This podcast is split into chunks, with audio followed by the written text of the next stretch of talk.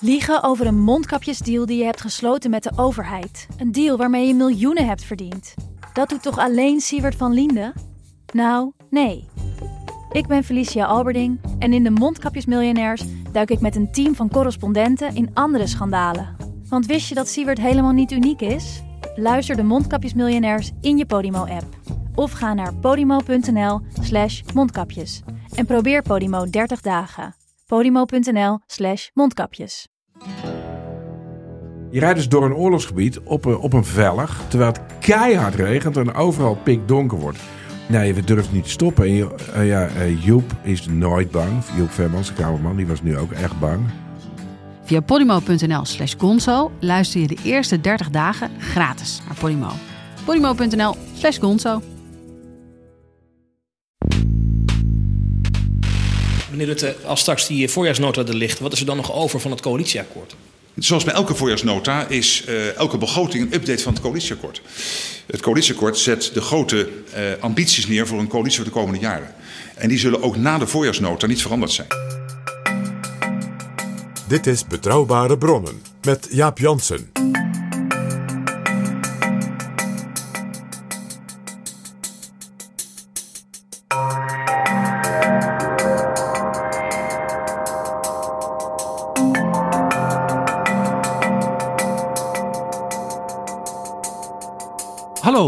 Welkom in Betrouwbare Bronnen, aflevering 264. En welkom ook PG. Dag Jaap. PG, precies vandaag is het kabinet Rutte 400 dagen aan de macht.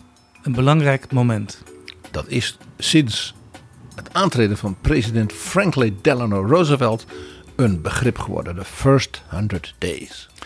En dat is een begrip omdat 100 dagen staat voor een periode waarin een nieuwe regering alles wat ze belangrijk vindt op de rails zet. Maar waarin eh, zo'n regering, in Nederland een kabinet, ook de ruimte krijgt, ook van de oppositie, om te doen wat op dat moment gedaan moet worden. En de echte kritiek, de harde kritiek, die kan daarna komen. Ja, men noemt het dus ook nog wel eens wittebroodsweken. In de zin dat je een nieuw kabinet ook wat ja, ademruimte moet geven. Of zoals in Amerika een nieuwe president. We zullen het in Frankrijk ook zien. hè. Als de nieuwe president gekozen is, dan mag die, dat staat nergens in de wet dat dat moet, maar dan mag die het parlement ontbinden. En dan zijn er ook meteen parlementsverkiezingen om dus die nieuwe president als het ware een parlement te gunnen. Ja, dat hem de ruimte geeft en hem steunt. Als dat hem lukt natuurlijk. Ja, wat van Macron overigens eh, tussen haakjes nog best wel een hele klus wordt. Want zijn partij die bestaat eigenlijk nauwelijks als partij met wortels in heel Frankrijk. Maar vijf jaar geleden haalde hij met zijn En Marche een hele grote parlementaire overwinning. Dat was ook vanwege dus die traditie in Frankrijk dat je zo'n president dan ook de ruimte moet geven. Dus de vraag is, is nou in Nederland in die honderd dagen dat ook gebeurd, Jaap, met het kabinet Rutte 4? Het waren natuurlijk heel bijzondere honderd dagen. Want de wereld stond plotseling in brand.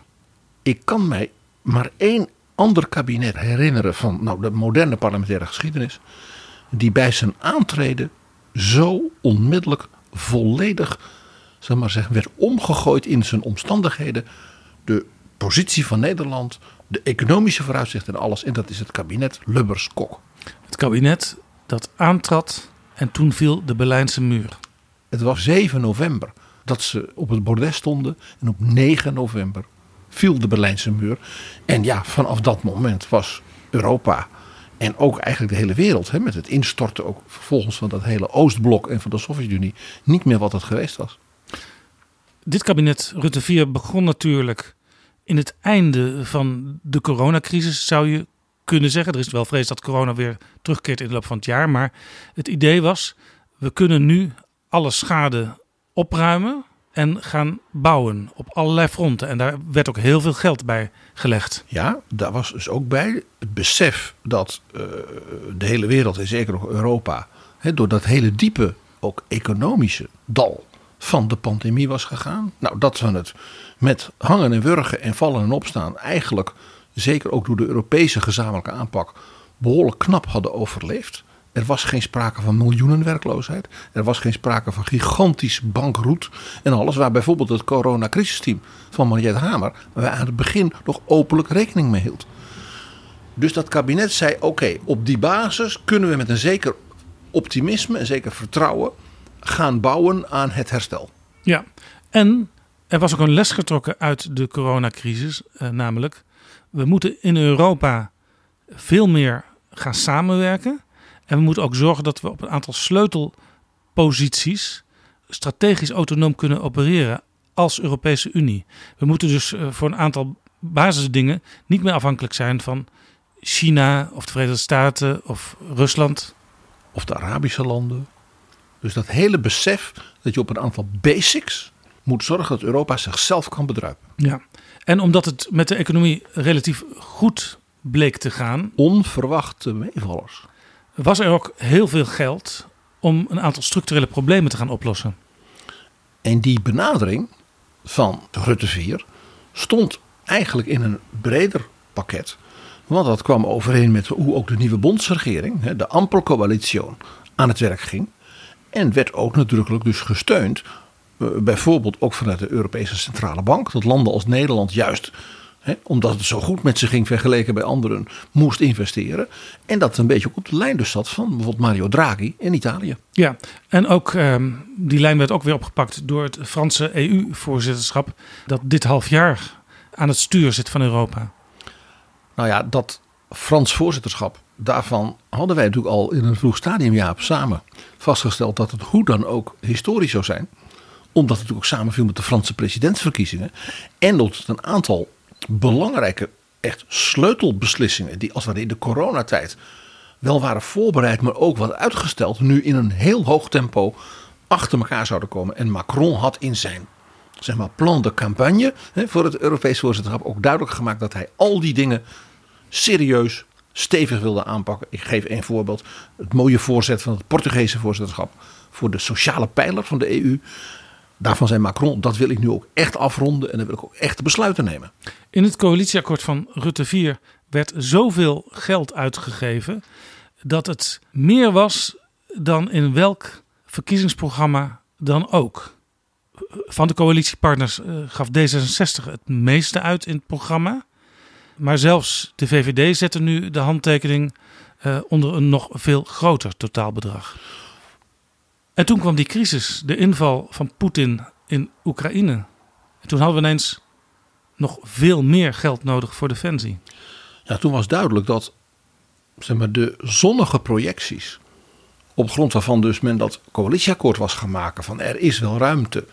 Eh, want er zitten zelfs ook meevallers te komen door dus de hele lage werkloosheid. Dus de meevallende ja, verwachtingen ten opzichte van de economische problemen. Ook veel minder faillissement in het bedrijfsleven. Allemaal dus echte pluspunten. Eh, ja, die leiden er natuurlijk onmiddellijk toe dat de begrotingscijfers van de jaren daarna, dus die pluspunten, ja, als we in versterkte mate eh, gaan, gaan vinden. Ja. Dus dat betekent dat mevrouw Kaag als minister van Financiën kon bijvoorbeeld een hele forse lastenverlichting voor de middengroepen aankondigen. Nou, is allemaal heel mooi natuurlijk. Maar ja, dan gebeurt er zoiets.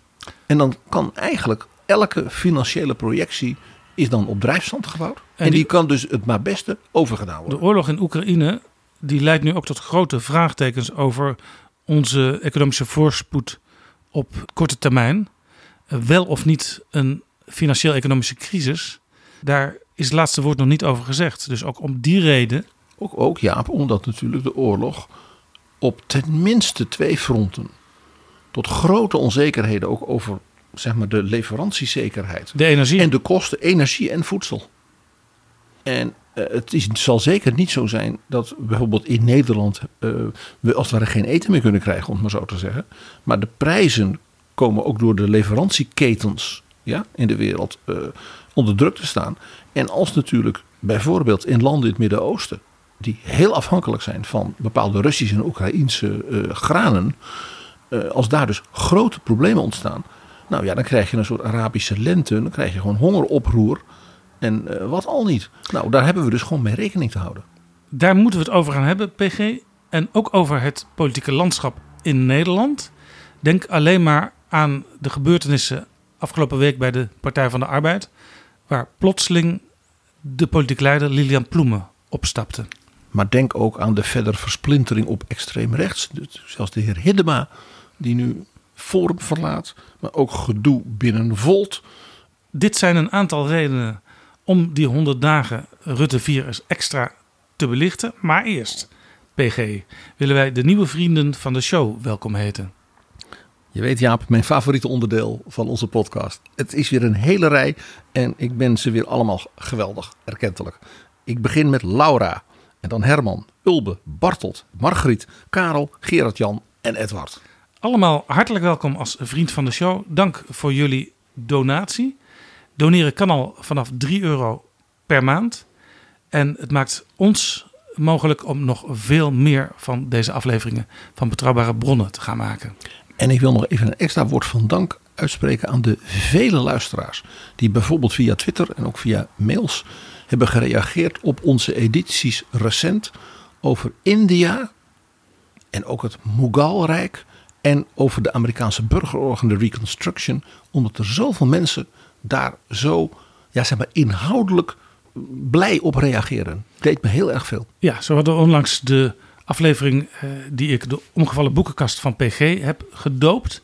En daar reageert Herman Nijland op met PG, wat doe je me weer aan? Ik probeerde eerst mijn bestaande stapel op te lezen, maar die is nu weer twee boeken hoger geworden. Excuus, excuus. Vriendvandeshow.nl slash bb Dit is Betrouwbare Bronnen. PG 100 dagen Rutte 4. Er was dus al een conclusie getrokken uit de coronacrisis dat we geopolitiek in een heel nieuwe situatie zitten. Een situatie waarin Europa veel meer en vooral ook veel beter en krachtiger voor zichzelf moet zorgen. En toch was dat coalitieakkoord op dit punt ook nog gewoon heel ouderwets. Het verhaal over, oh ja, er is ook nog buitenland. En, en in het buitenland heb je ook nog iets, dat is Europa. Dat was het eind van het coalitieakkoord. Ja. Er werd dus niet Ja. gezegd, waar staat ons land de komende jaren in de wereld en met de Europese partners in de wereld. En wat betekent dat voor ons? Het stond er allemaal wel in, maar je moest het inderdaad zoeken in het allerlaatste hoofdstuk. Terwijl je zou ook kunnen zeggen, Europa is binnenland geworden. Alles hangt met alles samen. Dus je eigenlijk een, een echt toekomstbestendig coalitieakkoord zou je moeten beginnen met het Europees kader waarin alles plaatsvindt. En dat, zeg ik met waardering, was de wijze waarop het akkoord van de Ampercoalitie in Duitsland wel in elkaar zat. De conclusie uit eh, de coronacrisis was dus: eh, we moeten strategisch meer autonoom worden.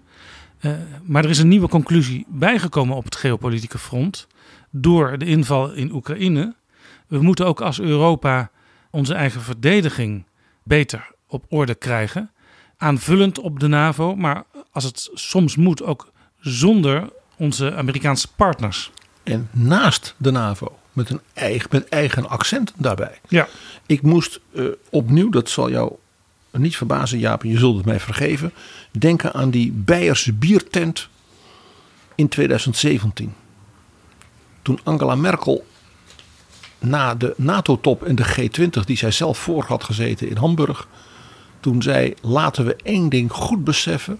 Wij zullen als Europa onszelf moeten verdedigen en onszelf moeten ook definiëren. Wie zijn wij, wat willen wij? Want een ander gaat het niet meer voor ons doen.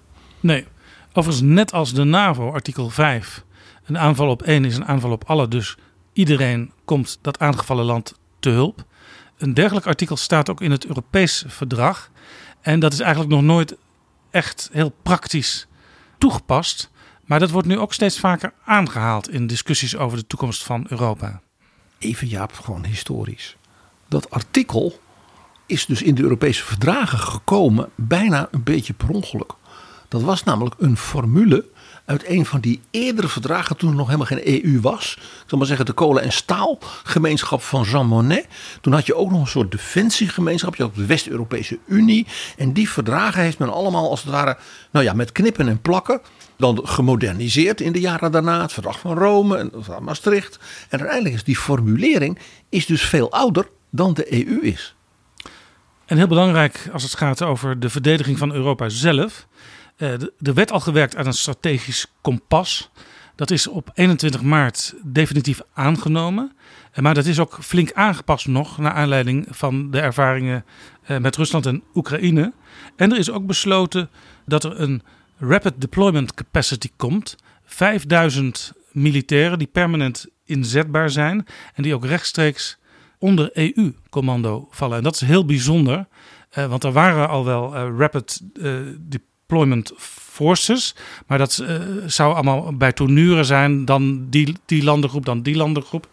en dat was ook nog nooit echt ingezet. En dat waren feitelijk NATO-reserves. Maar deze Niet de EU. En deze 5000 militairen, dat moet allemaal al vanaf 2025 werken. En wat ook heel nieuw is en ook wel bijzonder, want daar had, ja, ik denk tot een half jaar geleden nog nooit iemand aan gedacht. Misschien op Guy Verhofstadt na, want die heeft het ook uh, bepleit. Ik geloof ook in onze podcast toen hij bij ons op bezoek was. Er is een European Peace Facility. En uh, die is nu gebruikt om wapens aan te schaffen voor Oekraïne. En inmiddels is er vanuit Europa al voor ruim 1 miljard aan wapens die kant op gegaan. De European Peace Facility is een. Ja, dat zijn van die dingen. Dat is kenmerkend van hoe de Europese Unie zich ontwikkelt. Men heeft dus bij de meest recente nieuwe activiteiten eh, van de Unie, zeg maar, na en rond de coronacrisis, gezegd: wat zijn nou die dingen waar we nadrukkelijker samen moeten werken. Dus dat is bijvoorbeeld het ontwikkelen en investeren in RD voor nieuwe medicijnen. Dat moet niet elk land op zijn eentje blijven doen, elkaar concurreren. Meer van dat soort dingen. En toen was ook een van de dingen. Als er zich situaties voordoen in bijvoorbeeld een regio in Europa, waardoor een pandemie alle ziekenhuizen stilleggen, dat als het ware de, de, zeg maar, de openbare orde bijna in elkaar stort een beetje zoals je de beelden die je nu ziet in Shanghai. Zo'n lockdown in zo'n stad. Dan zouden wij toch als Europa een soort solidariteitsfonds moeten hebben. Om dan daar ter plekke gewoon Europees de mensen bij te springen. En zeiden ze, ja, dat zou ook moeten zijn als er bijvoorbeeld zich mensenrechten situaties voordeden. Men dacht daarbij natuurlijk aan die grens van Belarus met Litouwen en Polen. En daar is die European Peace Facility voor bedacht. Dan heeft men ook gezegd, nou, dan gaan we iets van 200 miljoen of 300 miljoen reserveren daarvoor. Het ding was dus nog niet opgericht. Ik zal het had nog nauwelijks een logo of de inval van Rusland in Oekraïne. En dat betekent dus dat er een relatief nieuwe, nog slank georganiseerde, kleine club als het ware aan het werk was. Die dus heel snel kon gaan schakelen. Dus wat we al vaker hebben gezien, natuurlijk ook toen bij de val van de muur, hè, dat Delors eigenlijk het hele blauwdruk al klaar had. Wat men niet wist is nu ook weer de blauwdruk van zo'n faciliteit om heel snel te kunnen ingrijpen. Uh, in dit geval dus uh, ondersteuning van de verdediging van Oekraïne, maar ook mensenrechten, die vluchtelingen in Polen en dergelijke. Dat was toevallig al ja, als blauwdruk klaar. Ja, heel bijzonder, ook typisch voor de geschiedenis van Europa. Je zou kunnen spreken van een Europa-wende. Eigenlijk naar analogie van de Zeitenwende die in Duitsland heeft plaatsgehad. Waar Olaf Scholz in een krachtige toespraak tot de Bondsdag ineens zei: Wij gaan uh, ja, eigenlijk voor het eerst sinds we die belofte in Wales hebben gedaan, 2% van ons bruto nationaal product aan defensie besteden. En hij zette daar ook meteen uh, eh, 100 miljard euro budget bij. Zonder vermeugen Bundesweer. Zo werd dat genoemd. En dat is, zeg maar, als je even met de microscoop boven Europa gaat hangen, misschien nog wel de bijzonderste verandering uh, van alle veranderingen dat Duitsland ineens die draai heeft gemaakt. Ja, zij het dat uh, sinds die speech van Scholz uh, men in Duitsland buitengewoon kritisch is geworden. Want Scholz is afwezig. die toespraak was mooi, maar toen de financiën moesten worden ingevuld, bleek dat meneer Lindner, de vice-kanselier op financiën, een heleboel van het geld al een keer op een andere manier had gereserveerd. Dus er is heel veel kritiek in Duitsland op de warrige en soms wat wegduikende manier waarop met name ook de kanselier optreedt. Terwijl de groene ministers, in bijzonder vice-kanselier Habeck en de minister van Buitenlandse Zaken, mevrouw Beerbok, zeer als ware worden gewaardeerd. En dus ook sterk stijgen in, ik zal maar zeggen, waardering van de kiezers. Ja, het beeld van Scholz is dus wijfelend. Overigens, dit heeft natuurlijk ook voor Nederland meteen gevolgen. Want het kabinet had in het coalitieakkoord ook al meer geld aan defensie uh, gevoteerd. Nou Jaap, jij weet nog dat toen wij in januari vooruitkeken naar dat Frans voorzitterschap. Dat wij zeiden, nou, de nieuwe minister van Defensie, wij wisten toen nog niet dat dat mevrouw Ollongren zou zijn. Die mag eigenlijk in de eerste weken van haar of zijn aantreden meteen op de mat. Want Macron heeft een soort Europese defensietop inclusief cyberwar eh, capaciteitsontwikkeling en daarin investeren, technologie, R&D, plus de ruimtevaart. En dat stond zeg maar, in, dat coalitieakkoord niet allemaal al detail. Dus die nieuwe minister die, nou ja, die moest meteen heel fors aan de bak. Nou, dat hebben we geweten, want mevrouw Ollongren trad aan. Oekraïne. Dus die Europese defensietop, net als dat Peace eh, Facility, was dus per ongeluk als het ware, maar goed gevoeld blijkbaar in de tijd, al aan het voorbereiden. En in feite hoefde men dus niet een soort noodtop in te richten, maar was dat al allemaal al voorbereid. Ja, eh, minister Hoekstra van Buitenlandse Zaken die zegt de terugkeer van oorlog op ons continent markeert een geopolitiek kantelmoment. Dit dwingt tot een snellere volwassenwording van de EU als machtspolitieke speler. En Olongren van Defensie voegt daaraan toe: Europa moet geen speelveld zijn, maar speler. Ja, en het moet gezegd worden, eh Ollongren heeft daarbij richting die, die top van Macron heel stevig eh, opgetreden. Ze heeft ook echt in Europa terecht heel veel waardering gekregen voor een hele duidelijke, heldere manier van optreden. Daar speelt denk ik toch haar ervaring als topambtenaar van het torentje. Dus dat ze heel goed weet, in zo'n vergadering moet je niet met allerlei details komen. Zeggen, dit zijn de grote lijnen, dit is Nederland bereid te doen. Dus daar heeft ze echt eer mee ingelegd. En eh, ik begrijp dat het kabinet eh, overweegt om heel veel extra geld voor defensie te doen. Een beetje à la de Duitsers. Dus ook versneld naar die 2% en inhaalinvesteringen te doen. En dat het kabinet overweegt om het Nationaal Groeifonds, ook wel bekend als het Wopke Wiebesfonds. Ja, dat is dat fonds voor eenmalige, maar hele grote investeringen in innovatief onderzoek. Wat kan leiden tot een extra aanjager van de economische groei. Waar oorspronkelijk ook nog een heel fors deel voor zeg maar, fysieke infrastructuur in zat. Ja, maar dat is nu geschrapt voor de volgende tranches. Afgelopen week heeft eh, voorzitter Jeroen Dijsselbloem een aantal eh, ja, plannen gehonoreerd. Eh, daar zit nog een klein beetje infrastructuur bij, maar dat komt later niet meer terug. Want het wordt echt nu aan ja, dingen waar Nederland in de wereld eer mee kan inleggen. Maar ook gewoon met het kasboekje eh, met vele plussen eruit kan komen. Ja, het is dus opmerkelijk dat eh, blijkbaar overwogen wordt om te zeggen: ja, dat Nationaal Groeifonds dat heeft nu een aantal hele mooie dingen eh, de voorbije dagen gegund. De Einstein-telescoop geweldig. in Limburg. Geweldig. Digitalisering van het hoger en middelbaar beroepsonderwijs. een hele forse investering in die eh, PPS'en, weet je wel, die Centers of Expertise. En Excellence. Waar, ja, waar wij eh, onlangs ook in betrouwbare bronnen met de mensen van het bedrijfsleven, HBO en MBO en zelfs de Europese Commissie over hebben gepraat. In totaal is er nu 5 miljard euro uit dat groeifonds gehaald. Er zat 20 miljard in. En ik begrijp dat dus men nu overweegt om te zeggen, nou ja, een heel fors deel daarvan moet vanwege de nood der tijden, zoals dat heet, dan maar verschuiven naar defensie. Ja, er is een idee opgeworpen in het kabinet om 6,7 miljard euro eh, extra naar defensie te laten gaan. Eh, en er wordt inderdaad begeerig naar dat groeifonds gekeken. En Dijsselbloem die gaf in zijn persconferentie al aan dat hij dat soort geluiden eh, zeg maar, niet graag hoorde. Nee, hij zegt eh, die groeifondsmiljarden die zou je juist moeten beschermen. Want ja, die helpen ons bij toekomstige groei. Je snijdt je in de eigen vingers. Ja, dat is begrijpelijk. Aan de andere kant, we moeten ons natuurlijk ook willen en kunnen beschermen. Ook met defensie. Je zie hier zo'n moment in die eerste honderd dagen van dat kabinet waarvan ik zeg... en alles werd anders dan ze dachten toen het coalitieakkoord getekend Ja, werd. maar er gebeurt nog meer. Misschien één laatste puntje, PG. Eh, want door schade en schande wijs geworden. Maar misschien ook toch door ja, de, de wat krachtige positie in dit kabinet van D66. Eh, minister Kaag die heeft een, een plan ingediend bij Europa. Samen met haar eh, collega van Financiën uit Spanje, Nadia Calvino. Om de manier waarop we kijken naar het begrotingskader wat te veranderen. Je weet, er zijn twee regels die heel streng zijn, maar die lang niet altijd worden toegepast. Laat staan dat er sancties op zijn als een land ze niet toepassen. Dat is dat eh, de lopende begroting die mag 3% tekort vertonen, maar Mag niet meer dan 3% liever tekort vertonen. 0% of eh, een overschot. En eh, de grote staatsschuld, ja, die mag eigenlijk niet hoger dan 60% van het BBP zijn.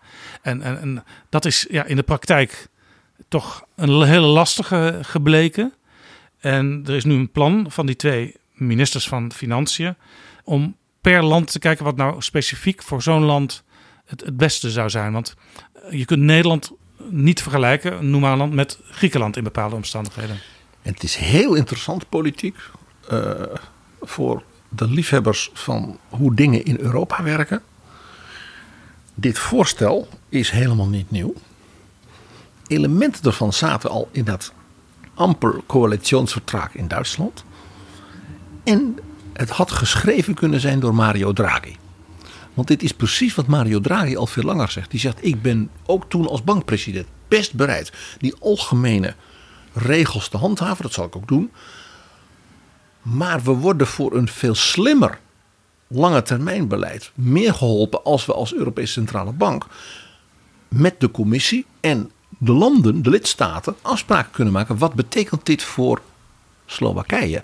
Of wat betekent dit voor België? Maar wel binnen het totaal. En het interessante is dat in het pakket van die Spaanse minister en de Nederlandse minister, dus deze denklijn van Draghi met een beetje ook uit het Duitse regeerakkoord terugkomt. Ja. En de Italiaanse premier is natuurlijk heel slim. Die denkt als die Hollanders daarmee komen, waarvan iedereen in Europa denkt dat zijn de harde, de frugal four types. Met Spanje, en dat is politiek, zeg maar, het land leidend van de sociaaldemocraten van het zuiden. want Draghi is natuurlijk geen sociaaldemocraat, is een technocraat. Dan heeft hij dus dat lastige Holland en dat leidende Spanje als duo, alsof we weer terug zijn in de 16e eeuw, Jaap, die in Europa als het ware dit op de agenda zetten. Wat kan Draghi anders doen dan met zijn grote gezag zeggen: Ik vind het een hele intelligente gedachte. Ja, waarom? Hij heeft hem zelf bedacht. Ja, ja er, is, er, is, er is ook heel veel voor te zeggen dat je elk land op de eigen merites beoordeelt. Want een land als Nederland, ook een land als Duitsland, die kunnen het zich vaak uh, meer veroorloven om extra te investeren, bijvoorbeeld in groei. En dat kan de rest van Europa ook meetrekken. Alleen wat voor Nederland geldt, geldt dan weer niet voor, ik noem Griekenland of ik noem Italië of Spanje, Portugal. Maar omdat we in Europa natuurlijk steeds meer samenwerken en ook samen steeds meer geld uitgeven in allerlei fondsen zou je dus best kunnen zeggen, ja, sommige landen kunnen in bepaalde periodes de boel trekken en anderen kunnen daarvan mee profiteren. Ja, dat is waar, maar onthoud, onthoud.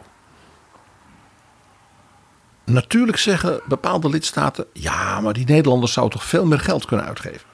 Maar de tegenhanger daarvan is dat zij dan bijvoorbeeld krachtiger saneren om hun staatsschuld te verbeteren. En dat gebeurt dan niet. En wat dus Draghi als het ware. En ook dat Duitse coalitieakkoord. En in zekere zin dus nu ook dit voorstel van Spanje en Nederland samen aangeeft. Die zegt van ja, je moet een mechanisme ontwikkelen waarin je en dat maatwerk kunt doen. Maar wel binnen dus die gemeenschappelijke afspraken. Ja. Dus die moet je handhaven. Maar daarbinnen manoeuvreerruimte maken voor de specifieke situaties. Ja. Maar als je die gemeenschappelijke grote lijn een beetje gaat loslaten, dan gaat natuurlijk ieder land weer lekker doen wat ze zelf willen. Het wordt dus echt pas een goed plan als er ook een systematische balans in zit tussen hervormingen en helder begrotingsbeleid. En het interessante is, ik heb een brief gezien van mevrouw Kaag aan de Kamer. Die zonder dat zeg maar, Spanje, laat staan Mario Draghi wordt genoemd, in feite dat aan het uitwerken is. Ik wil wat betreft dat geopolitieke nog even naar één puntje wijzen. En dat is de speech van minister van Buitenlandse Zaken Wopke Hoekstra in Washington DC. Inhoudelijk zeer de moeite waard. En ook dit weer dus een voorbeeld van dat alles echt anders is geworden in die honderd dagen. Wopke Hoekstra was in Washington bij zijn collega Blinken. Vorige week. Ja. Dat geeft al aan dat je in zo'n crisisperiode waar we dus nu in zitten, dat ze dus heel veel heel dicht bij elkaar komen. Want anders was hij vast niet binnen 100 dagen al uitgebreid in Washington geweest. Hoekstra heeft daar natuurlijk gepraat over nou, de actuele situatie, de sancties, de hele handel. En heeft daarna een speech gehouden bij een belangrijke denktank in Washington. En in die speech zei hij iets wat mij zeer trof.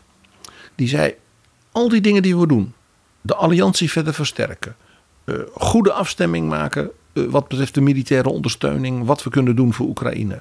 Eh, Financieel Oekraïne helpen. Duitsland doet daar heel veel op dat punt. Nederland kan ook van alles doen. Hij, hij liep ze allemaal even langs en toen voegde hij daar nog iets aan toe.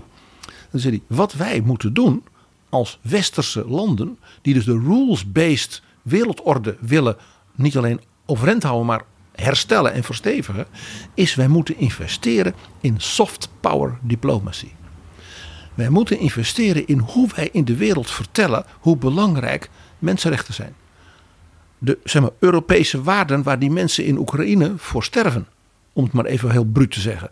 Dus ook hoe belangrijk democratie is. Hoe belangrijk meningsvrijheid is. Hoe belangrijk godsdienstvrijheid is. En hoe belangrijk de landen die daarvoor zijn.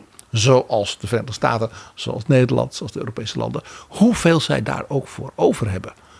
En toen zei hij van geloof in onze waarden. Geloof in waar wij voor staan. Geeft mij de zekerheid van het geloof dat we hier doorheen gaan komen. Ik vond dit opmerkelijk.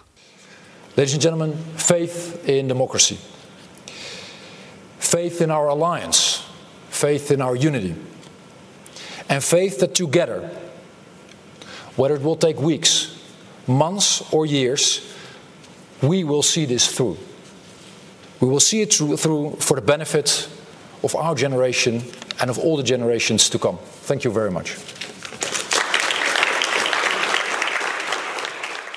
Doet mij eh, heel in de verte denken aan uitspraak die eh, Winston Churchill ooit deed in zijn kabinetsvergadering. Toen er een voorstel lag tijdens de Tweede Wereldoorlog om te bezuinigen op de cultuurbegroting. En toen zei Churchill, die was daar heel erg tegen, die zei: Want waarvoor vechten we anders? Ik hoorde de Wopke Hoekstra van de Humboldt-lezing in Berlijn. Waarover hij te gast was in Betrouwbare Bronnen destijds. En het doet mij deugd dat we die Wopke Hoekstra weer horen.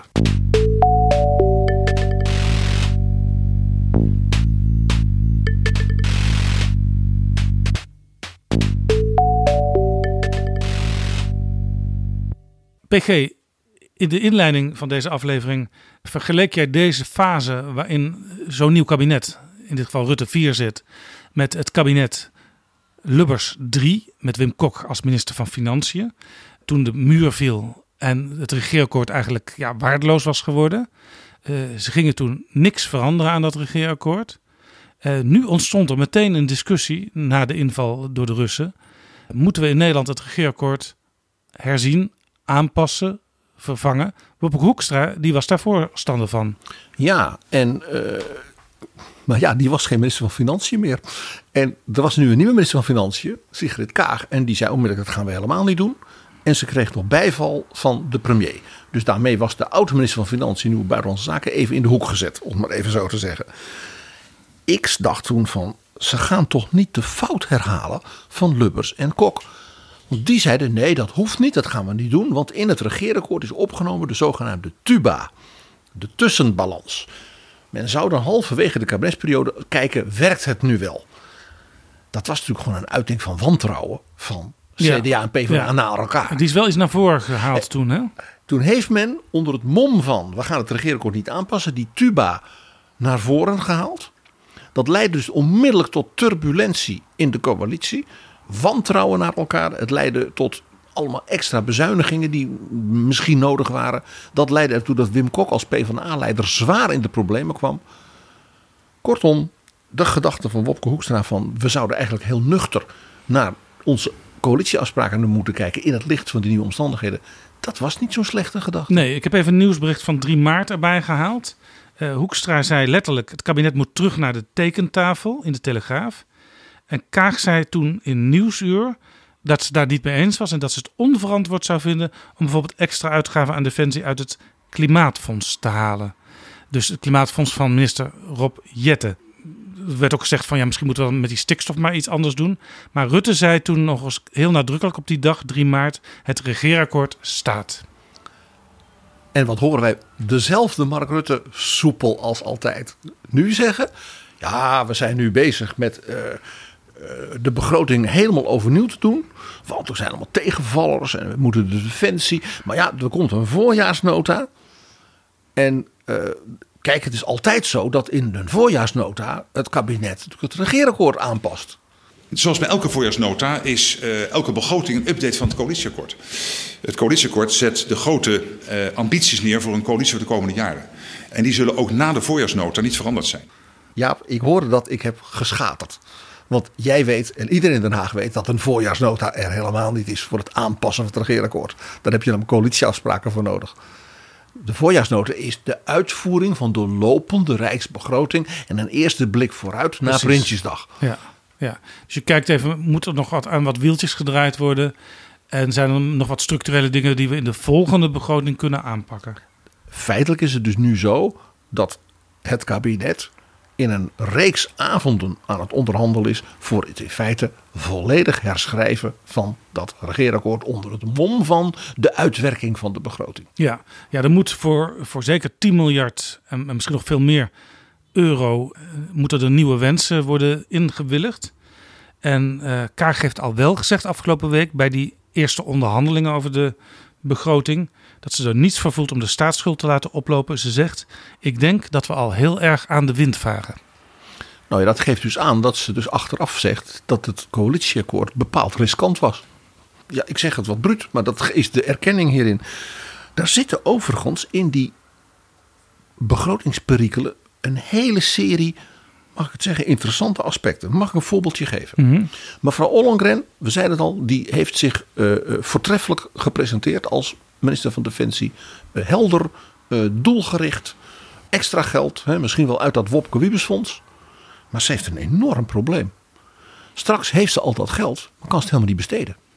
Omdat er niet genoeg militairen zijn. Omdat het leveren van materieel wat eigenlijk Ook dat? moest komen, waar dus Nederland in achterloopt, dan wel waar heel veel materieel gewoon versleten is, dat men dat materieel niet vindt en dat voor het aanpassen van dat materieel, moderniseren, de slijtage weg en nieuwe mensen opleiden, de mensen er niet zijn. Nee. nee, als je bijvoorbeeld, waarvoor nu al lijstjes zijn gemaakt, nieuwe F-35's, extra F-35's gaat aanschaffen, ja, dat duurt misschien wel twaalf jaar voordat die eerste exemplaren die je dan nu bestelt hier in Leeuwarden aanwezig zijn. Ja, en dan heb je het dus niet over bestaand materiaal waarvan je zegt als dat nou eens even eerder was vol en je nu als daar nog een moderniseringsslag op doet, vaak met elektronica, dan kun je weer 15 jaar verder. Ook dat vereist natuurlijk heel veel technologisch personeel en training dat je daarmee om kunt gaan. En bovendien, als elk land, net zoals Nederland, nu extra gaat investeren in defensie, dan moet je ook nog concurreren op de markt om die spullen op tijd binnen te krijgen. Ja, en dat is goed voor die wapenfabrikanten, maar lastig voor die landen die al die spullen nodig hebben. En die kunnen dat ook niet allemaal leveren. Kijk, als Nederland nu zou zeggen: jongen, die drones van Erdogan. Die doen het nogal goed. Dat zijn wel spectaculaire plaatjes hè, daar uit Oekraïne. En Poetin is daar heel bang voor, voor die dingen. Die willen wij ook hebben. Dan zegt Erdogan dat kan. Maar ja, ik heb al zoveel die ik nu lever en die schenk ik aan mijn vriend Zelensky. Dus als Holland dat wil hebben, ja, dan gaat u top dollar betalen. En dan duurt het wel drie jaar voordat u de eerste krijgt. Ja, en er is nog een dingetje eh, waar ik nog nauwelijks over gehoord of gelezen heb, maar wat ook meespeelt als je strategisch autonomer wil worden. Voor heel veel spullen, defensiespullen, maar bijvoorbeeld ook gewoon voor jou, jouw GSM-telefoon, heb je eh, mineralen en andere materialen nodig, eh, die ze vooral in China uit de grond delven. En bijvoorbeeld ook, en dat maakt het des te wranger, in de Donbass-regio. En hele bijzondere dingen in Afghanistan. Dus dat hele thema van we zullen in Europa voor ons eigen moeten opkomen, raakt niet alleen maar uh, dingen, maar ook dus je handelsrelaties rondom wat dan heet rare earth, uh, mijnbouw. En bijvoorbeeld ook wie zijn daar eigenaar van? Veel van die dingen komen bijvoorbeeld ook uit Midden-Afrika, waar natuurlijk in feite al jaren een soort derde wereldoorlog gevoerd wordt. Ja, en in Afrika waar zowel de Chinezen als de Russen eh, de laatste decennia steeds meer invloed zijn gaan uitoefenen. En daar bijvoorbeeld allerlei warlords ondersteunen, die dan weer de eigenaren zijn, de facto, van die mijnen. Dat hele thema, wat we hiervoor hadden, van die geopolitieke totale veranderingen, raakt dus ook gewoon de uitvoering van concrete dingen in de begroting van, in dit geval, mevrouw Ollongren. Ja, hoi, even een commercial break. Elke van Vriend van de Show hier. Vind je deze podcast leuk en wil je de maker steunen? Ga naar vriendvandeshow.nl en word vriend.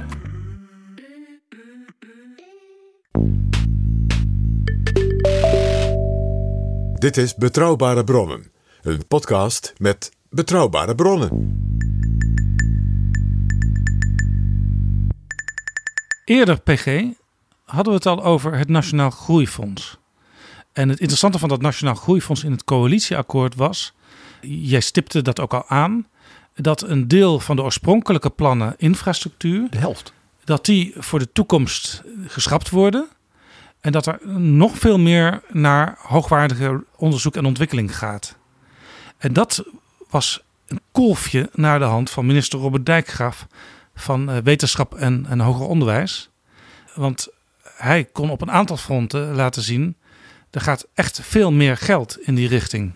En zijn partij, D66, had natuurlijk voor de zoveelste keer op rij ook enorme beloften gedaan op dat terrein. Jaap, ik ga eh, Dijkgraaf niet blij maken. Oh, Want ik kan rekenen.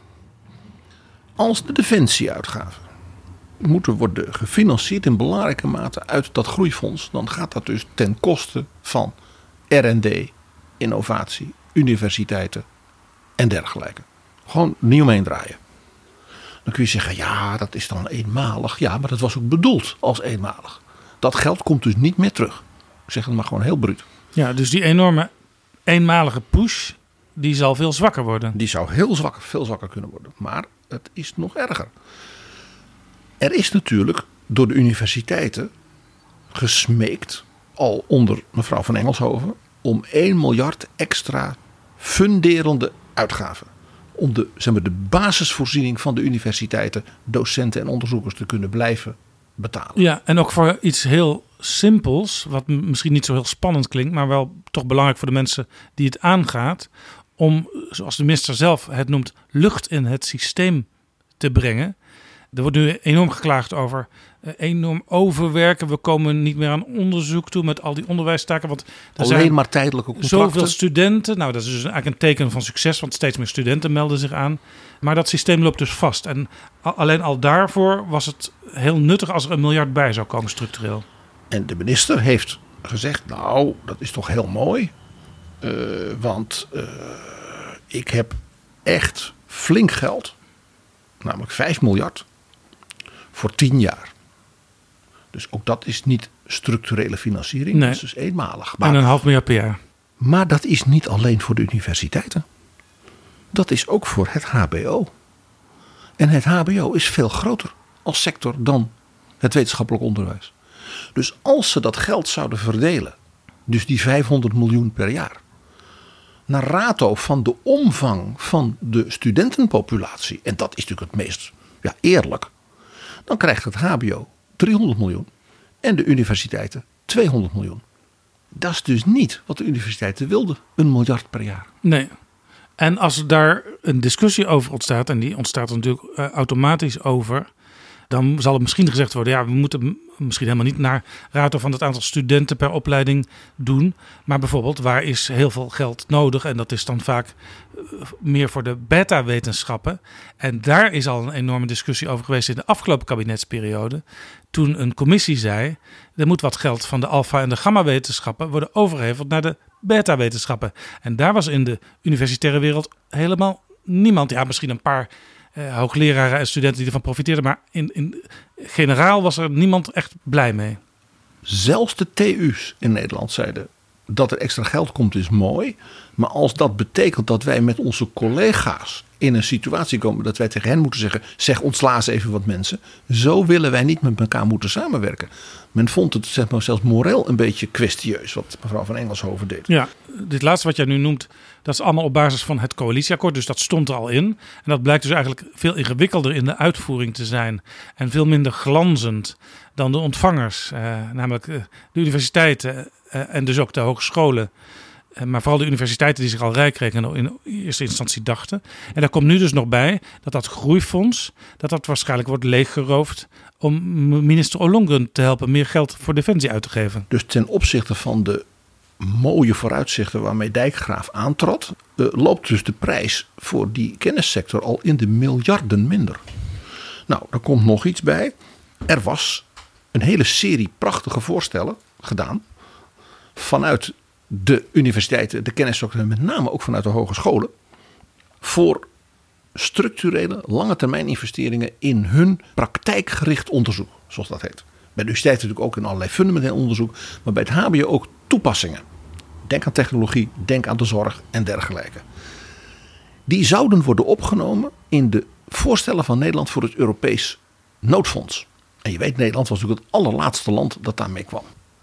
Aan het eind van de rit zijn die onderdelen van het Europees noodfonds niet gerealiseerd. Dus de verwachtingen die bij de universiteiten en met name ook de hogescholen waren, dat men als het ware even los dus van het coalitieakkoord op die manier een aantal belangrijke lange termijn investeringen kon doen, worden niet bewaarheid.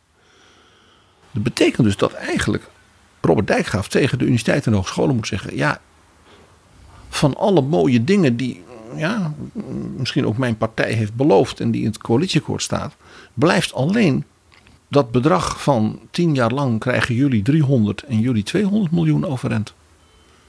Dat is niet waar ze op gerekend hadden. Nee, er stond een heel mooi interview, een dubbel interview in het Algemeen Dagblad afgelopen zaterdag. Met minister Ernst Kuipers van Volksgezondheid en Robert Dijkgraaf van Onderwijs en Wetenschap.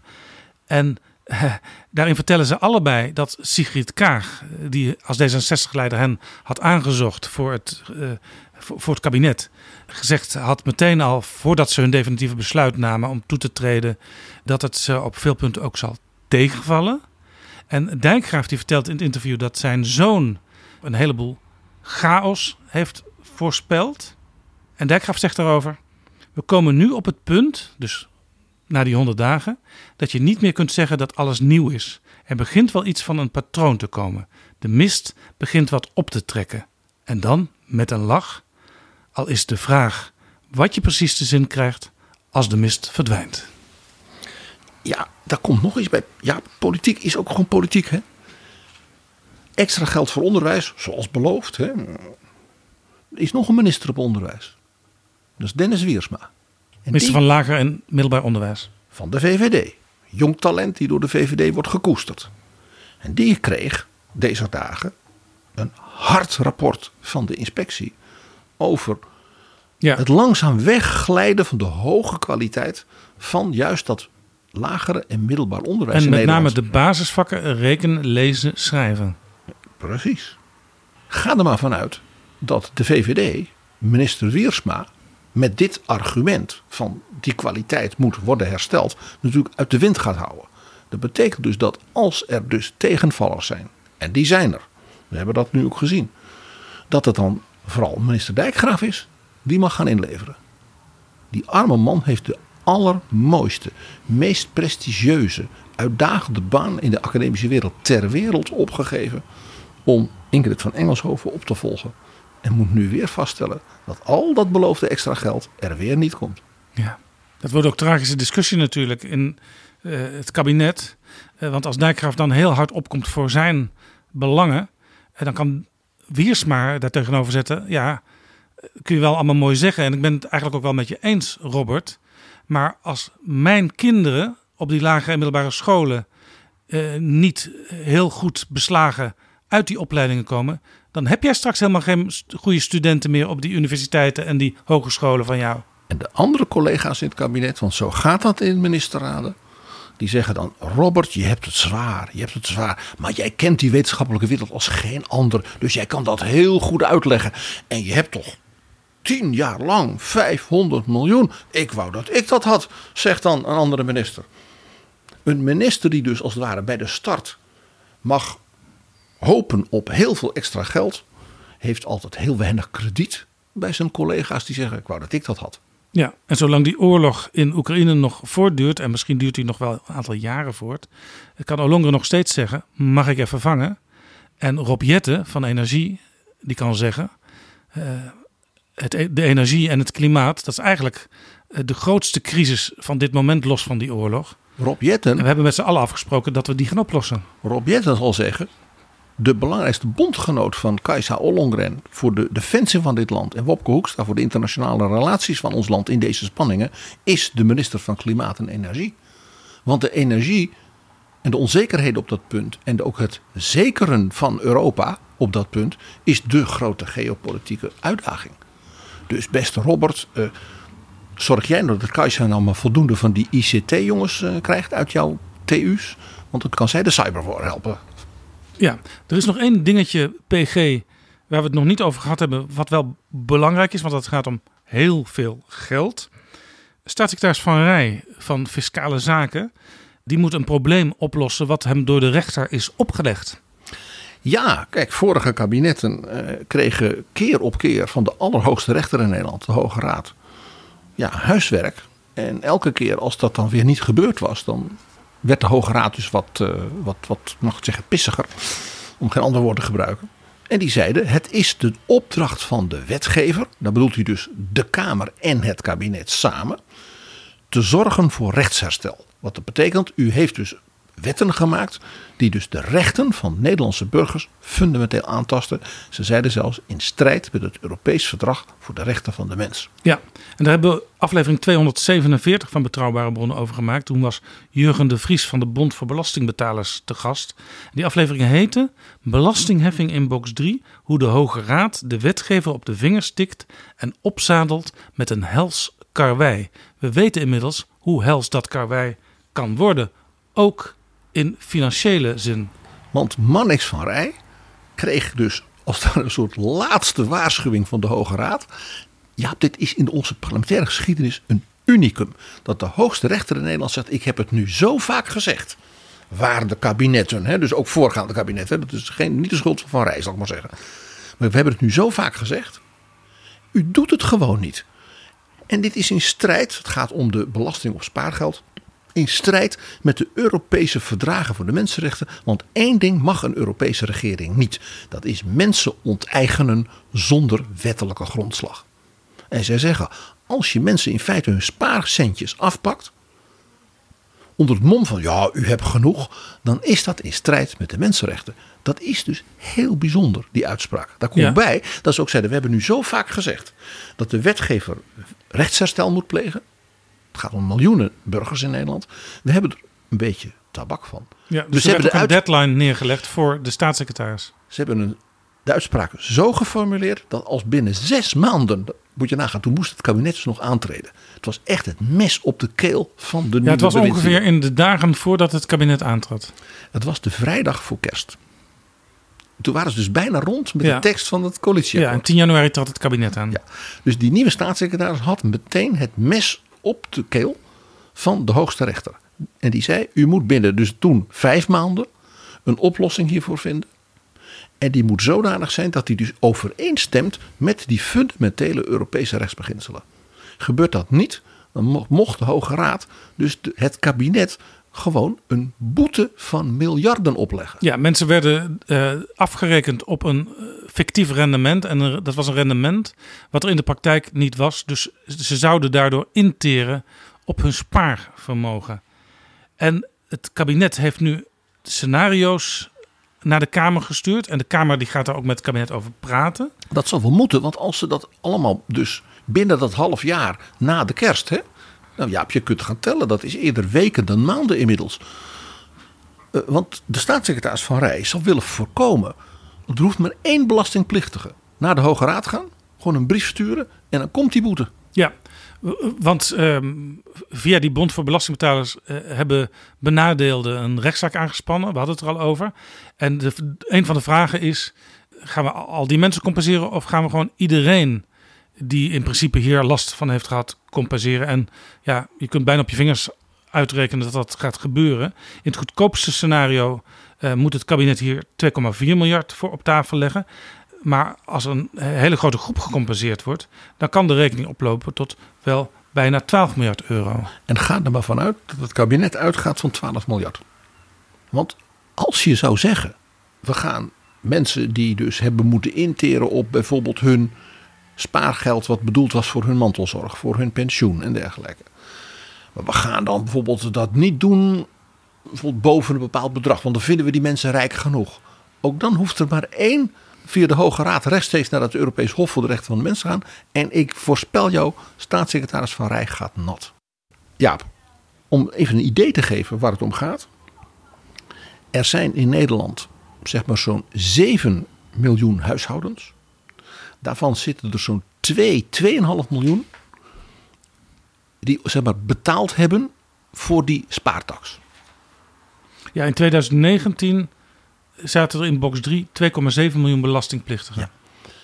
En aan die mensen, als je ze dus volledig vergoedt, hè, waarvan de Hoge Raad zegt dat had nooit gemogen, dan kost dat 12 miljard. Dus dat is zo'n 2000 euro per belastingplichtige.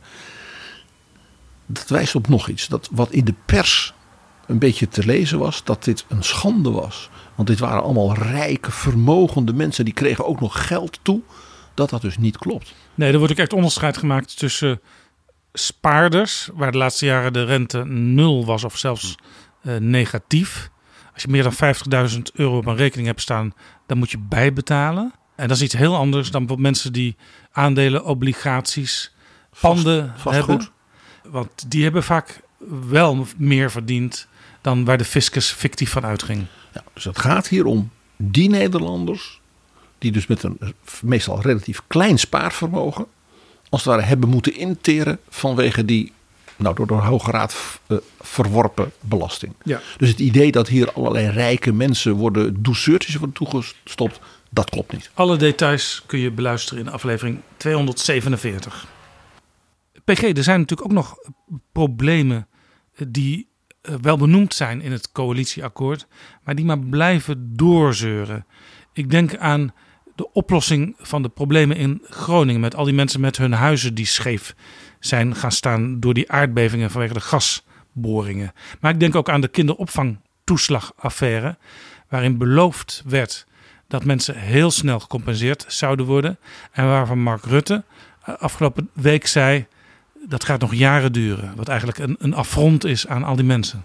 Bij mij schoot door het hoofd van, hadden zij maar een hoge raad gehad. Die had gezegd, als u niet binnen zes maanden de zaak oplost, dan zwaait er wat. Ja, gewoon een harde deadline, zodat er eindelijk echt actie komt. Dus een andere kant zeg je er ook bij. Wat de Hoge Raad hier heeft gedaan is, ik zei het al, in de parlementaire geschiedenis echt een unicum. Maar het onderstreept nog iets. Als het puntje bij paaltje komt, is Nederland wel degelijk een rechtsstaat.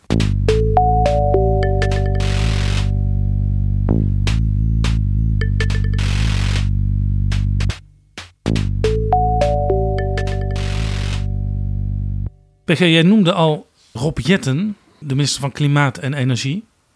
Ja, waarvan ik zei, als hij zeg maar, zijn rol, zijn positie in deze crisis en ook hè, vanuit het, het, het regeerakkoord zeg maar, goed oppakt, kan hij zichzelf nou ja, als Robert Habeck in Duitsland tot zeg maar, de nummer één minister van dit kabinet ontwikkelen. Want zorgen voor een toekomstbestendig energiebeleid.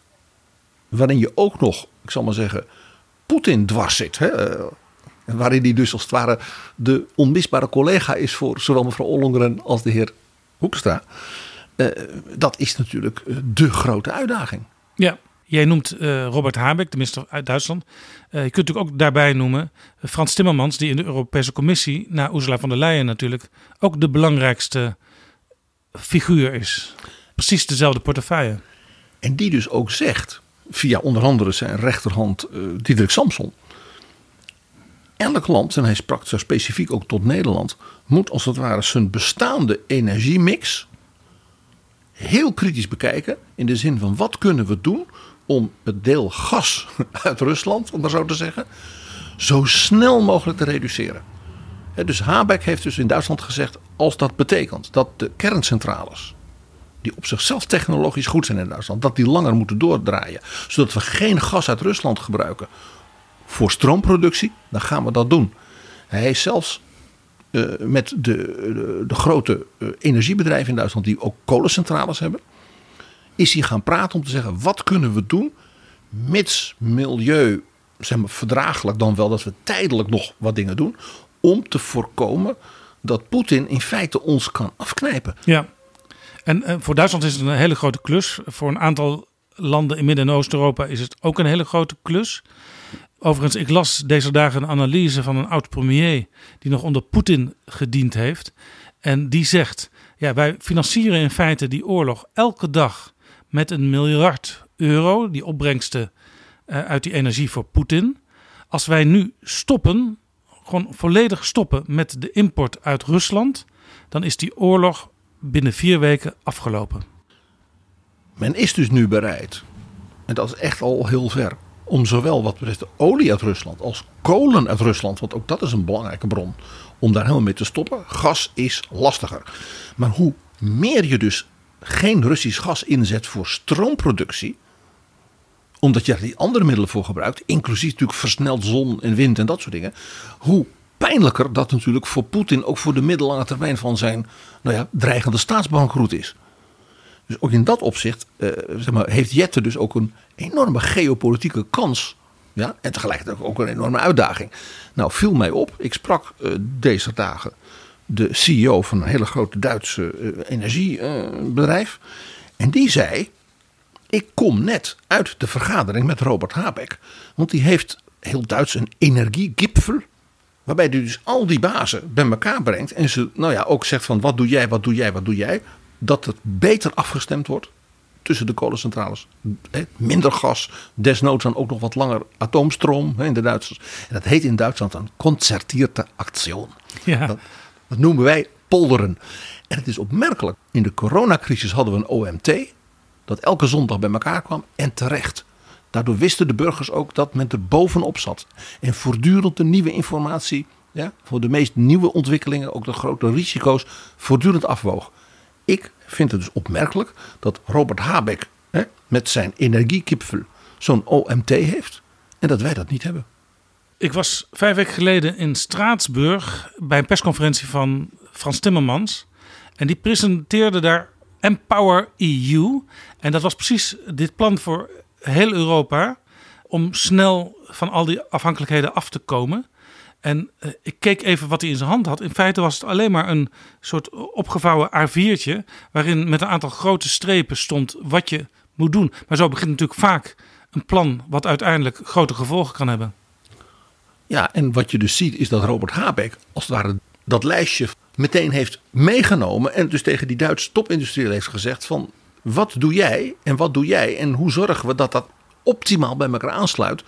Zodat we zo snel mogelijk, zo min mogelijk gas uit Rusland nodig hebben voor de energieproductie. Kortom, PG, om dit blokje af te sluiten. Let in het kabinet op Rob Jette, die misschien wel eens de sleutelpositie kan gaan vervullen. Let ook op minister Kajsa Olongren, of zij haar ambities op defensieterrein werkelijk gaat waarmaken. Let op de manier waarop uh, Van Rij als staatssecretaris dat uh, die grote fiscale malaise voor de overheid kan gaan oplossen. En uh, de gedupeerde kan helpen. En let ook op Robert Dijkgraaf. Want die kan waarschijnlijk veel minder eer inleggen met zijn drie jaar als minister dan hij oorspronkelijk wel gedacht zal hebben.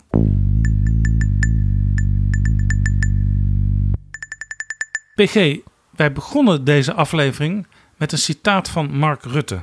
Maar we hebben het eigenlijk nog niet echt over hem gehad. Waar is Rutte? Die vraag zou je kunnen stellen. Ja, ik ben ook wat verbaasd. Uh, uh, hij lijkt een beetje op Olaf Scholz.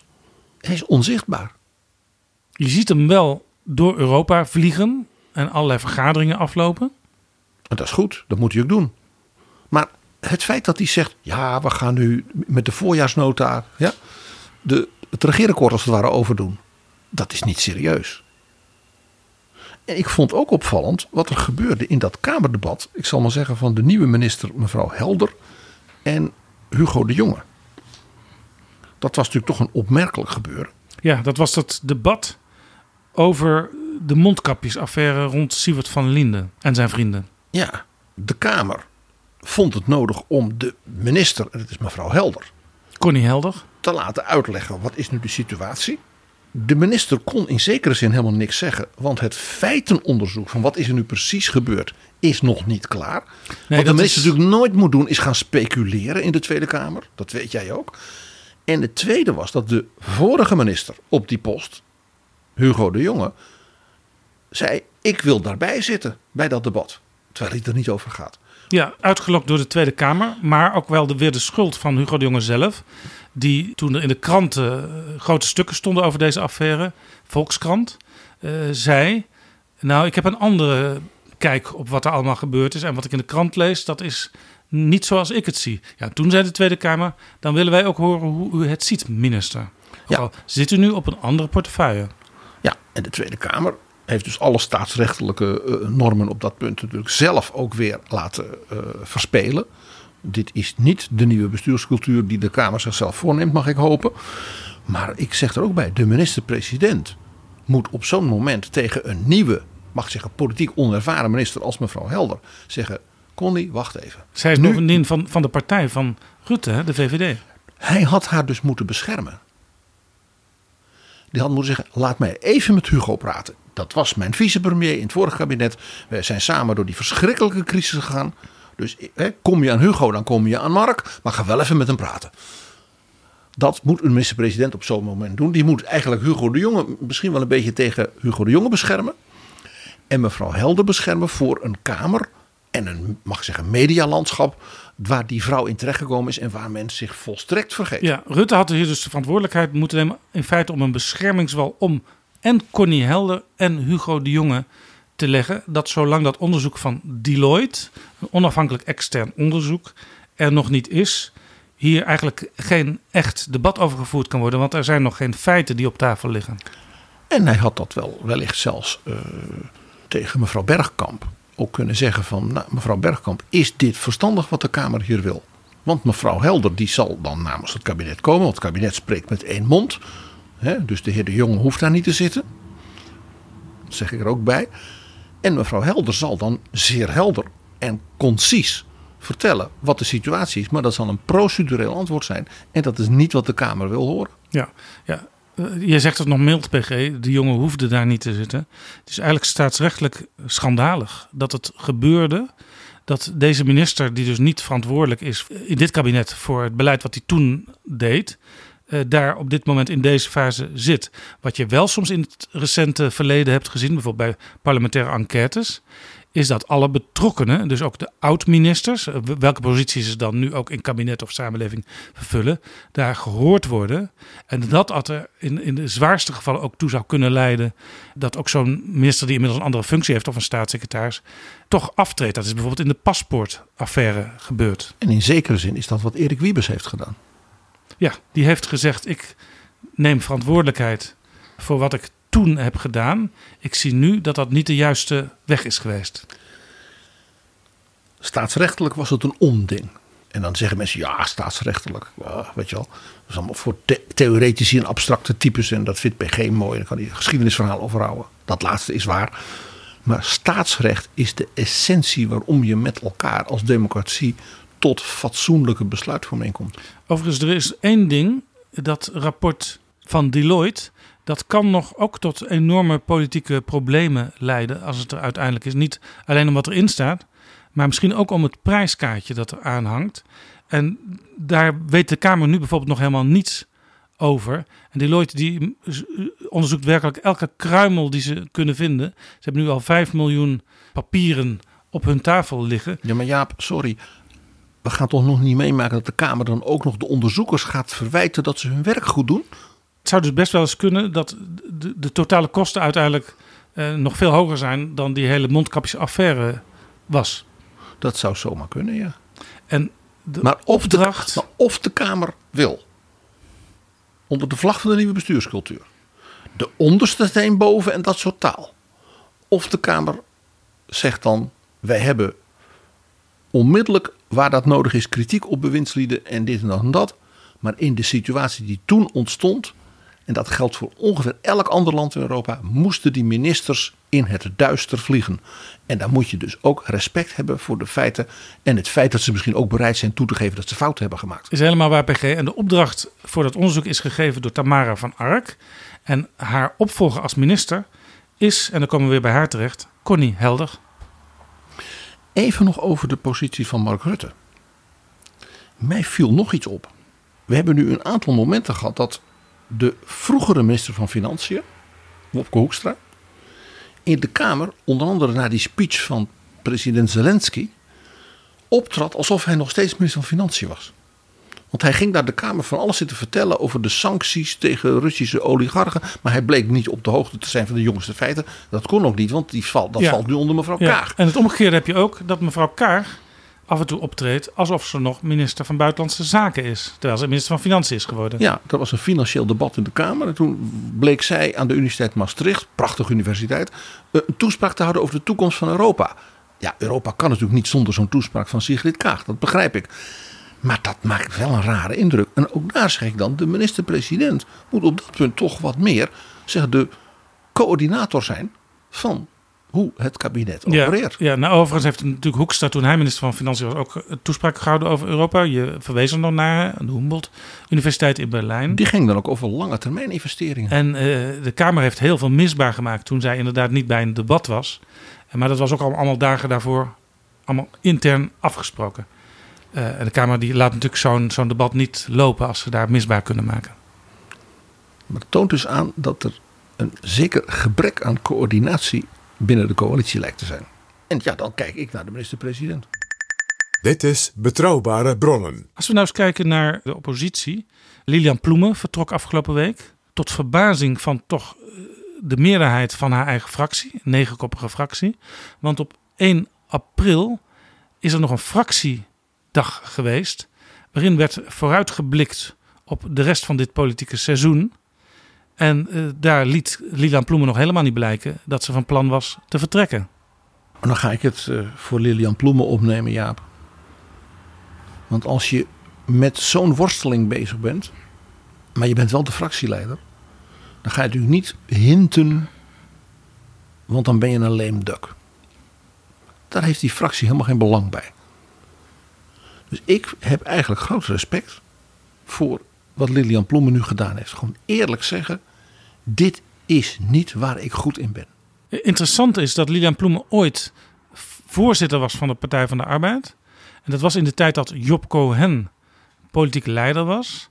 En eh, dat Job Cohen in de debatten niet echt uit de verf kwam. We zien nu vaak debatten waar Jesse Klaver namens GroenLinks spreekt en Ploemen namens de Partij van de Arbeid. En zij hebben elkaar beloofd het afgelopen half jaar om innig samen te gaan werken. En er wordt zelfs door sommigen in die partijen al voorzichtig gesproken over een fusie. Maar in de debatten zie je toch vaak dat Jesse Klaver net even de iets scherpere en relevantere vragen stelt. En dat je Ploemen vaak ook eh, in, in haar bankje daarachter eh, ja, nieuwsgierig zag luisteren van wat, wat doet hij nu, wat zegt hij nu. En zij heeft blijkbaar toen de conclusie getrokken eh, die zij als voorzitter van de Partij van de Arbeid al een keer in het openbaar trok over haar politieke leider toen, Job Cohen. Hij kan het eigenlijk niet. Ja, zegt ze dan over zichzelf. Ik, ik kan net die scherpte niet inbrengen die wel gevraagd wordt van een politiek leider. Ik heb er best lang over nagedacht. Het was best wel een moeilijk besluit. Maar ik heb besloten om terug te treden, omdat ik vind dat ehm, ja, die rol als partijleider, ja, dat, die past me eigenlijk niet goed genoeg. Lilian Ploemen heeft de Job Cohen in zichzelf ontdekt. Zeg ik een beetje cynisch. En ze deed het vrij drastisch. Hè? Ze is ook nog gewoon meteen uit de Kamer vertrokken. Dat vind ik minder netjes. Maar ze heeft er wel een reden bij. Namelijk, ik wil mijn opvolger of mijn opvolgers niet voor de voeten lopen. Dat kun je ook heel goed terwijl je een uitstekend Kamerlid bent en je een aantal mooie, goede, bijvoorbeeld internationale portefeuilles doet. Dingen Ja. waar zij goed in is. Ja, nou ja, een soort voor, van voorbeeld daarvan, niet helemaal vergelijkbaar, maar is Khadija Ariep, die natuurlijk Kamervoorzitter is geweest, niet herkozen werd. En nu gewoon in de Kamer, op onder andere Binnenlandse Zaken, eh, een belangrijk woordvoerder is.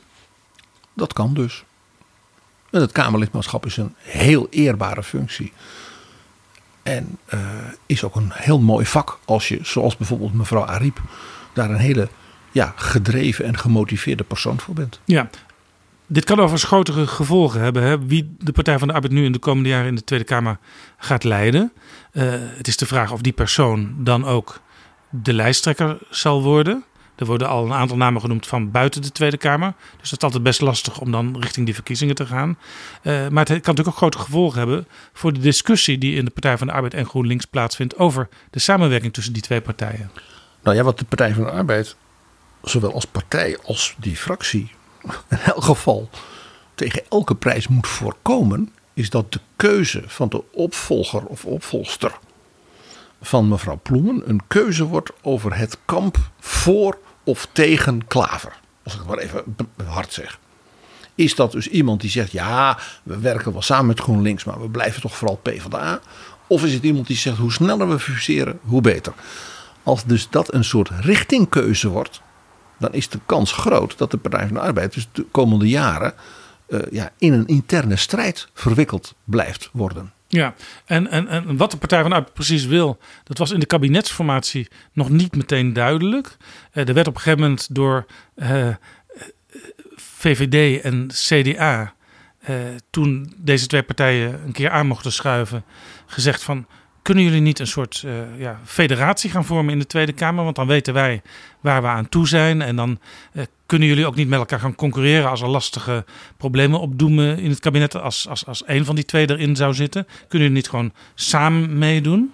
Ik kan mij nog herinneren dat de toenmalige informateur Mariette Hamer daar ook met ons nog uh, uitgebreid over heeft gepraat. Over die merkwaardige fase in haar werk. Nou ja, er gebeurde toen zelfs iets in die discussie Waarin eigenlijk bleek dat Lilian Ploemen nog niet zo ver was op dat moment als Jesse Klaver. Want ze spraken niet helemaal unisono. En toen is even besloten om de kabinetsformatie stil te leggen, zodat zij even uh, met elkaar uh, de klokken gelijk konden zetten. Ja, dat toonde niet aan dat men heel strategisch zeg maar, zijn onderhandelingspositie had doordacht. En nou ja, dat is dus misschien ook wel een waarschuwing aan de Partij voor de Arbeid nu met het vertrek van mevrouw Ploemen. Dat men dat maar beter wel doet en daar zijn keuze mee bepaalt. Ja, er gebeurt natuurlijk nog meer in de Tweede Kamer. Uh, Volt is gesplitst. Ja, nou ja, dat is een breder uh, iets wat we natuurlijk zien en ook al langer. Dat is dat de versplintering in de parlementen inmiddels. Ja, ook de Eerste Kamer kun je de, erbij De Eerste Kamer, precies. Europees Parlement trouwens ook. Precies. Aan wat ik maar noem de flanken.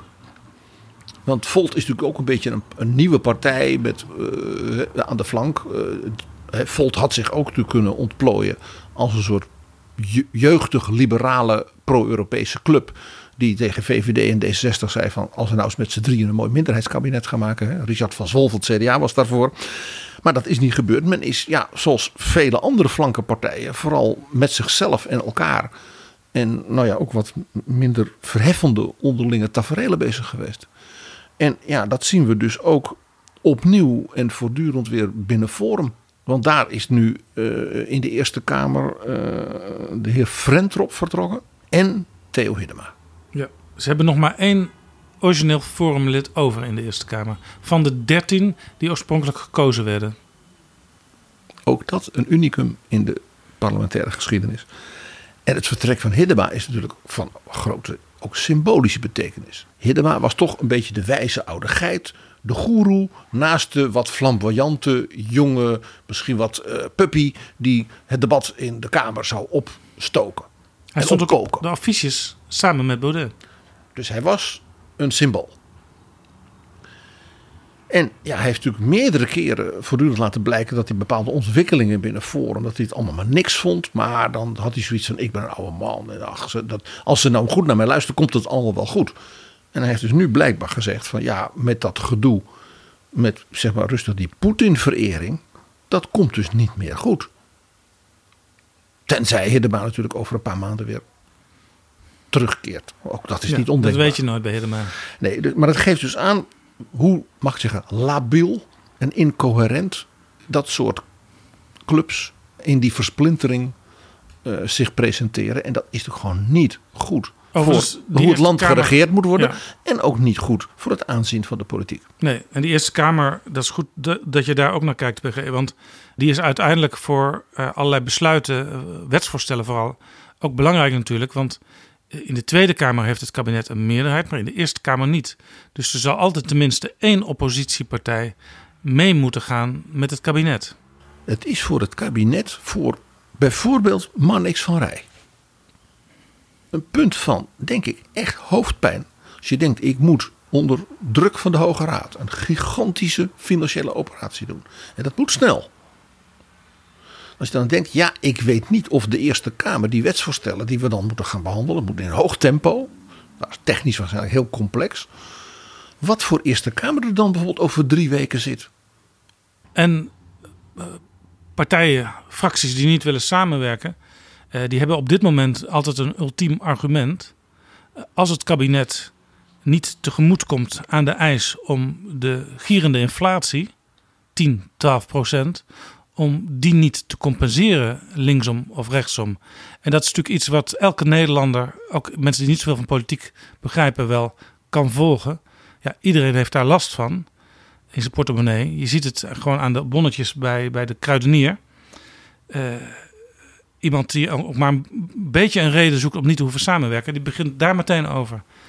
Net als Marine Le Pen in Frankrijk doet. Nou ja, mag ik een voorbeeld geven? Eh, wat er gebeurt, niet alleen in Nederland, dat men zegt: ja, nou wordt dus de benzine wordt zo duur. Dat is toch heel zielig voor de autorijders. Dan gaan we de belasting op benzine verlagen. Ja, ik zeg het wat hard hoor. Als je nou Poetin echt wil helpen, dan moet je zorgen dat er nog eh, flink Russische olie wordt omge- om- omgesmeed tot benzine. Want we maken de benzine dan maar wat goedkoper. Ik snap het wel, vanuit het idee van, och, och, och, de arme burger. Maar is dat nou wijsheid? Ik heb daarom een suggestie, Jaap. Oh. Het vertrek van mevrouw Ploemen biedt ook een kans. Je zou toch als kabinet, als coalitie kunnen zeggen: het is in Europa nu oorlog. Het voorbeeld dat we net noemden met bijvoorbeeld die energieprijzen en de inflatie. Dat is niet alleen maar een kwestie van het coalitieakkoord. Want dat coalitieakkoord moet in feite helemaal over. Ja. Zou het niet wijs zijn dat de coalitie bijvoorbeeld nu naar Jesse Klaver en de fractie van de Partij van de Arbeid, die nu even geen voorzitter heeft, gaat en zegt van, zouden jullie bereid zijn? Misschien zelfs wel met z'n tweeën in een wat nieuwe verhouding die toch nu aanstaande zou lijken, om mee te doen. Een oorlogskabinet. Een kabinet van de conservatieve krachten. En dan kunnen we ook ons richten op de dingen waar het nu echt om moet gaan. Dankjewel, PG.